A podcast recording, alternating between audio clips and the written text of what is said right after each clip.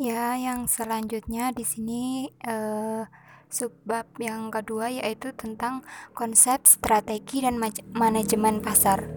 Yang pertama yaitu tetapkan visi. Tujuannya adalah untuk memperjelas visi suatu bisnis. Yang kedua, analisis informasi.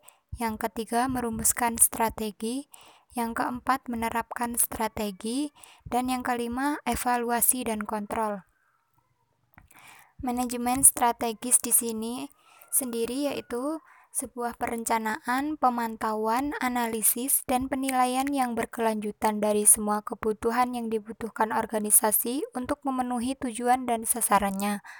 Perubahan dalam proses bisnis akan menuntut organisasi untuk secara konstan menilai strategi mereka untuk sukses.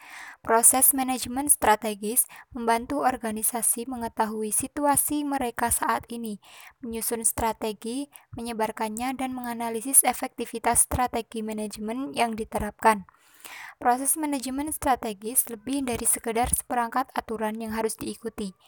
Ini adalah pendekatan filosofis untuk bisnis.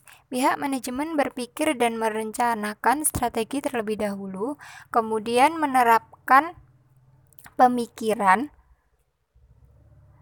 pada suatu proses. Proses manajemen strategis paling baik diterapkan ketika semua orang dalam bisnis memahami strategi.